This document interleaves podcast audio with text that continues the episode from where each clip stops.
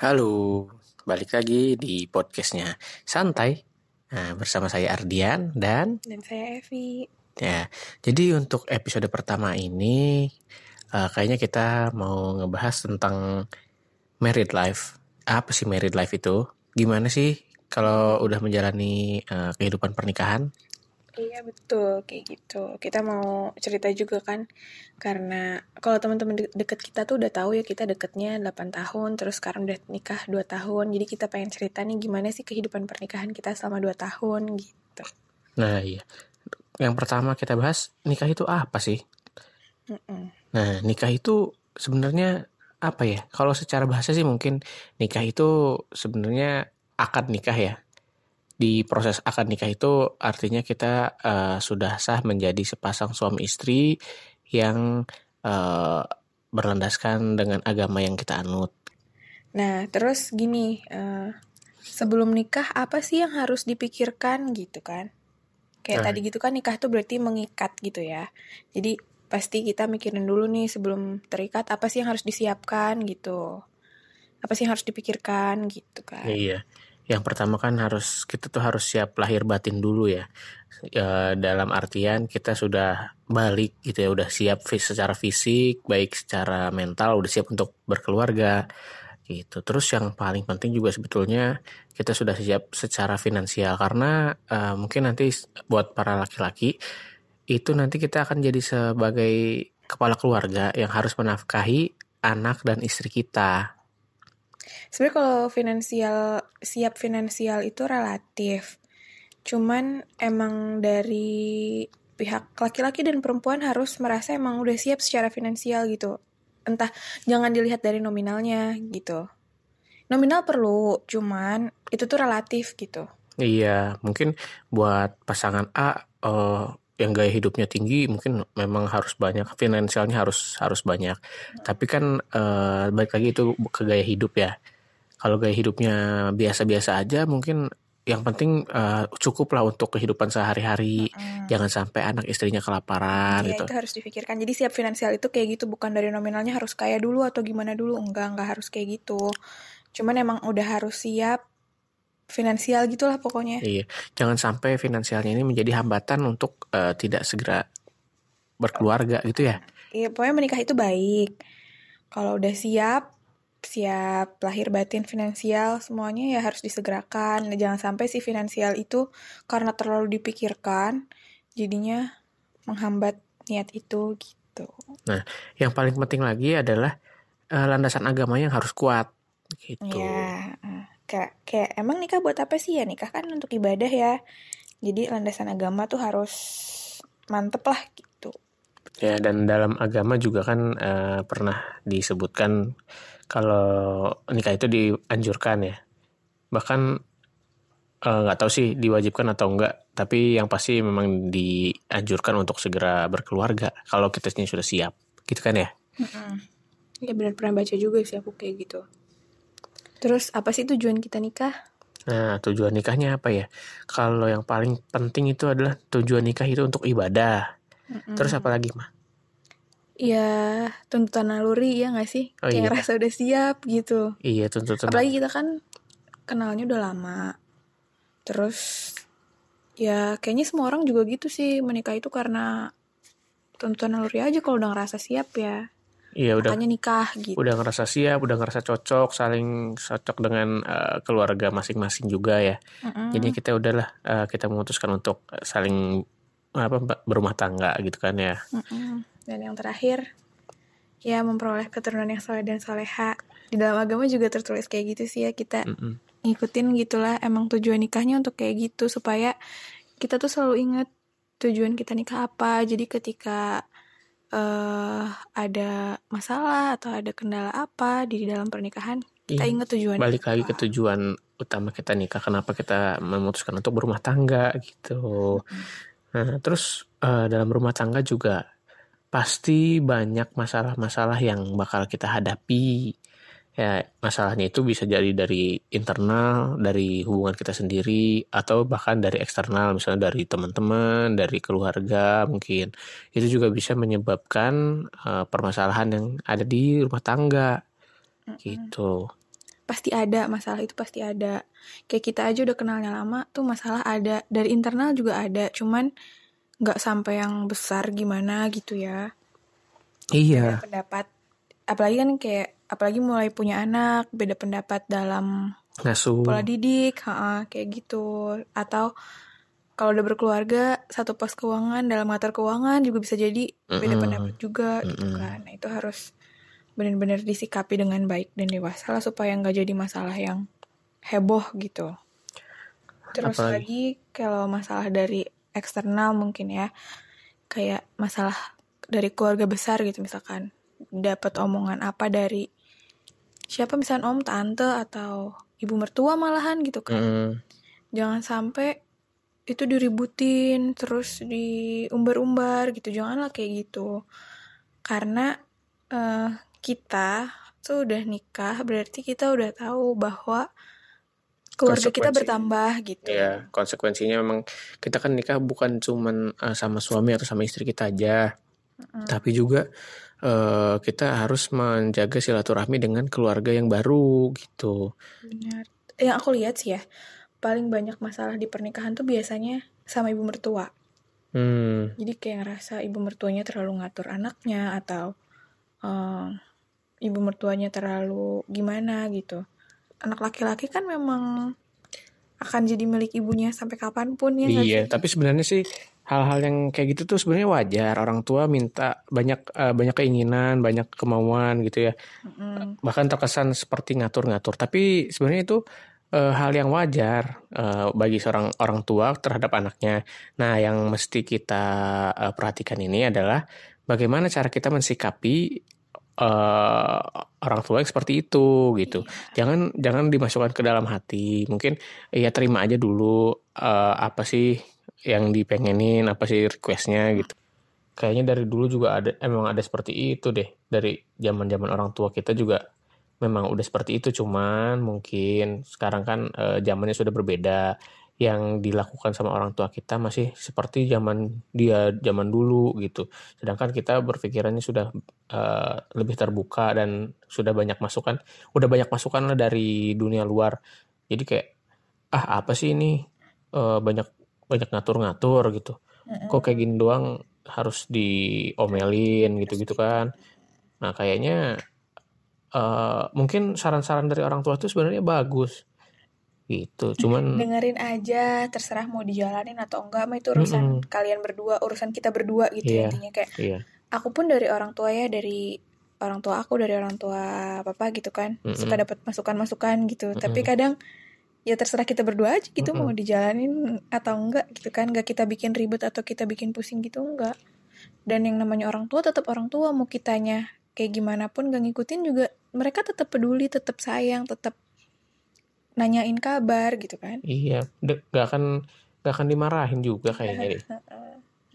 jadi jangan terlalu dibawa beban lah untuk permasalahan dengan Tapi ya mungkin memang kita juga gitu. kita berdua emang orangnya santai cuek gitu nggak pernah dimasukin dalam hati.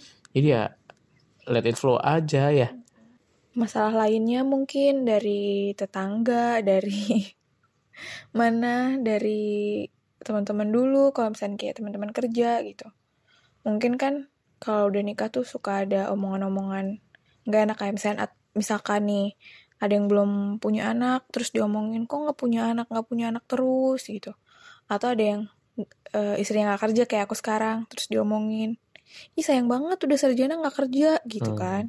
Kayak gitu kalau misalkan akunya lemah akunya down terus suami tuh kayak ngerasa ya kenapa dia nggak kerja? Atau udah nanti eh, nggak support lah gitu intinya. Ya itu bisa jadi kayak masalah internal juga ujung-ujungnya gitu. Kayak terlalu insecure sama diri sendiri pun juga nggak baik dalam rumah tangga tuh gitu. Iya, yang paling penting adalah kitanya saling support. Suaminya support istrinya, istrinya support suaminya gitu. Itu ya insya Allah sih dengan kayak gitu ya mengurangi konflik lah. Meskipun nggak akan menghilangkan tapi seenggaknya mengurangi konflik. nggak akan menghilangkan bener karena menikah itu eh, selain ibadah juga menambah masalah Iya bener, iya bener. Masalahnya Nggak. memang banyak sih.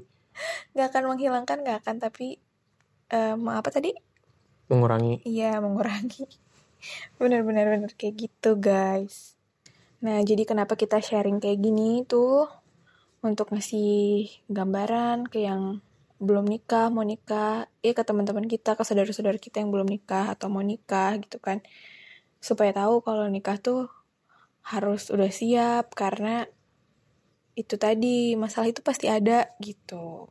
Kita menikah berarti kita menambah masalah gitu. Iya betul betul betul. Jadi harus ingat tujuannya nikah tuh buat apa gitu. Mm-mm. Dan uh, Jangan sampai ya jangan sampai berpikiran bahwa nikah itu enak, nikah itu akhir uh, akhir dari segalanya. Tapi sebenarnya nikah itu adalah permulaan dari kehidupan kita. Mungkin kalau bisa saya bilang sih. setelah nikah kayak kita walaupun kenalnya udah lama tapi setelah nikah itu jadi kayak mulai baru lagi mulai lebih tahu lagi tentang pasangan masing-masing terus tentang keluarga juga gitu. Keluarga dari suami keluarga dari aku sendiri gitu. Lebih tahu lebih belajar gimana caranya uh, menghadapi suami kalau lagi begini menghadapi keluarga kalau lagi begini gitu. Lebih tahu kayak gitu. Iya. Dan kalau boleh jujur ya sebenarnya habis eh, sebelum nikah dan setelah nikah tuh lebih kelihatan aslinya ya. Iya. Yang dulunya eh, sering care banget gitu. Kok rasanya care banget kok setelah nikah malah jadi cuek sih. Nah, emang Hmm. sebenarnya aslinya cuek tapi sok-sok care gitu. lagi ngomongin diri sendiri Heeh. Ya, cuma kan Nah, memang meskipun secuek-cueknya tetap care ini juga. Iya, jadi kalau kayak masih pacaran tuh yang penting dapat dulu gitu. Ngerti nggak? Enggak juga sih. Nggak, kebanyakan orang kayak gitu. Jadi Heeh. kalau masih pacaran tuh masih manis banget. Yang penting mau dulu gitu. Kebanyakan masih kayak gitu. Jadi yang ditunjukin yang manis-manis. Itulah kenapa nikah itu landasannya harus agama dan siap. Supaya nanti setelah nikah terus ketahuan aslinya kayak gimana, tahu keluarganya kayak gimana, itu kita siap bisa menghadapi, bisa menjalani gitu. Bisa tetap happy-happy, ya apa? Iya. Iya. Nah, untuk yang apa namanya, yang mau nikah, intinya harus siap. Jangan sampai pengen nikah gara-gara ngerasa udah tua, udah ketinggalan sama teman-teman, anaknya udah pada dua gitu kan. Kalau belum siap ya jangan dulu. Kalau udah siap, semuanya lahir batin, agama, finansial, ya segerakan. gitu. Mendingan juga langsung eh langsung Ta'aruf lah. Iya, ta'aruf. Tapi ta'aruf pun harus dengan eh, cara yang benar gitu. Jadi ta'aruf menurut aku harus banget dilakuin dan boleh banget dilakuin asalkan eh, udah sama-sama siap gitu yang ikut ta'aruf tuh Mm-mm. harus sama-sama siap. Jadi ketika apalagi ta'aruf tuh kan nggak ketemu, nggak kenal satu sama lain gitu kan emang Mm. benar-benar ketemunya pas mau pernikahan gitu. Itu harus udah siap ketika nanti menikah tahu sifatnya kayak gimana, tahu itu itu harus diterima, nggak boleh langsung nggak boleh jadi dikeluhkan gitu kayak gitu-gitu. Iya. Jangan sampai itu malah menimbulkan konflik lagi gitu. Mm-mm. Makanya eh yang pertama memang dia harus disiapkan dulu dari dirinya, dari kita sendirinya. Udah siap belum? Benar-benar udah siap apa sih tujuannya menikah gitu. Seperti yang tadi kita udah sampaikan di awal, apa sih tujuannya nikah? Mm. Nah, kalau misalnya memang udah benar-benar udah siap, nah barulah eh, men- melanjutkan hubungan ke jenjang yang lebih serius. Mm, Itu. betul. Ya kayak gitu. Ta'aruf tuh bagus banget, baik banget. Jadi eh, jangan sampai bikin orang takut gara-gara banyak yang habis ta'aruf ternyata konflik rumah tangganya besar banget gitu. Enggak, enggak harus ta'aruf pun yang udah kenal lama juga ada masalah rumah tangga ya. Ada masalah rumah tangga pasti ada gitu. Cuman kalau yang ta'aruf mungkin kemungkinannya lebih besar karena belum kenal. Makanya kenapa nikah mau udah kenal lama ataupun ta'aruf itu kuncinya harus udah siap. Iya.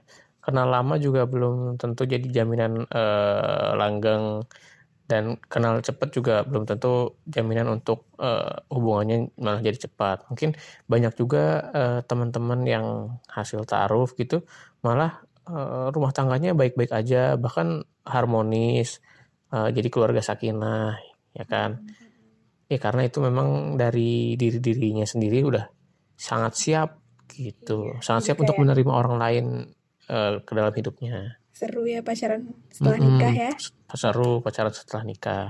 Uh, ya banyak juga yang kayak gitu. Kenapa kita nggak taruh aja dulu ya? Ya dulu masih gimana ya? Masih muda belia, masih belum belum terbuka lah. kita kenalnya terlalu muda jadi nggak mungkin taaruf ya. Iya sih. Kayak udah keburu cinta monyet gitu. Ih monyet. Iya, jadi ya inti dari, inti dari obrolan kita itu kayak gitu. Menikah itu harus sudah siap. Jadi kita bisa menjalani kehidupan pernikahan dengan sebaik-baiknya gitu. Kayak kehidupan pernikahan kita pun baru dua tahun, tapi alhamdulillah nggak uh, ada konflik yang besar. Karena kita emang suka ribut, jadi kadang masalah kecil aja kita bikin ribut, tapi cuma lima menit terus ketawa-ketawa gitu. Iya. Kayak gitu. Karena kita ngerasanya ya emang kalau nggak ribut tuh nggak seru gitu ya. Iya. Jadi kayaknya setiap hari juga ada keributan gitu kan ya. Iya ya kayak gitulah setiap hari ada bete-betean. Enggak deh enggak juga. Enggak juga. Cuman ya biar seru emang itu biar seru jadi jangan terlalu dibawa beban dan terlalu serius lah gitu mm -mm. ya kayak gitulah kehidupan pernikahan kita selama dua tahun masih seru aja gitu Iya. Dan selalu ada cerita baru di tiap hari kita ya. Mm-mm. Apalagi alhamdulillah ada Kiana. Aduh ampun. Luar biasa. Luar biasa kehidupan pernikahan kita. Uh, pasti ada up and down pasti. Cuman ya alhamdulillah kita masih bisa saling support terus.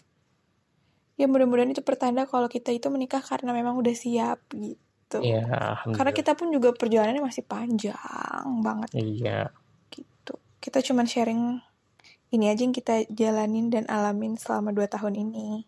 Gitu buat gambaran teman-teman semuanya. Hmm. Uh. Semoga bermanfaat. Udahan dulu lah ngobrolnya biar nggak panjang-panjang banget ya. Iya, oke deh kalau gitu.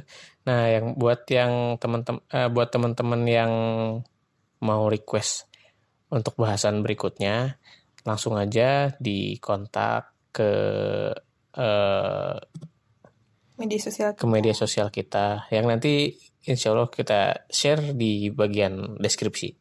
Mm -mm. Makasih ya semuanya udah mau dengerin buat yang dengerin. Pokoknya uh, kita pengen apa yang kita obrolin itu bermanfaat buat semuanya gitu. Membuka pikiran semua yang mendengarkan. Oke, okay, bye-bye. Assalamualaikum. Waalaikumsalam. Dadah.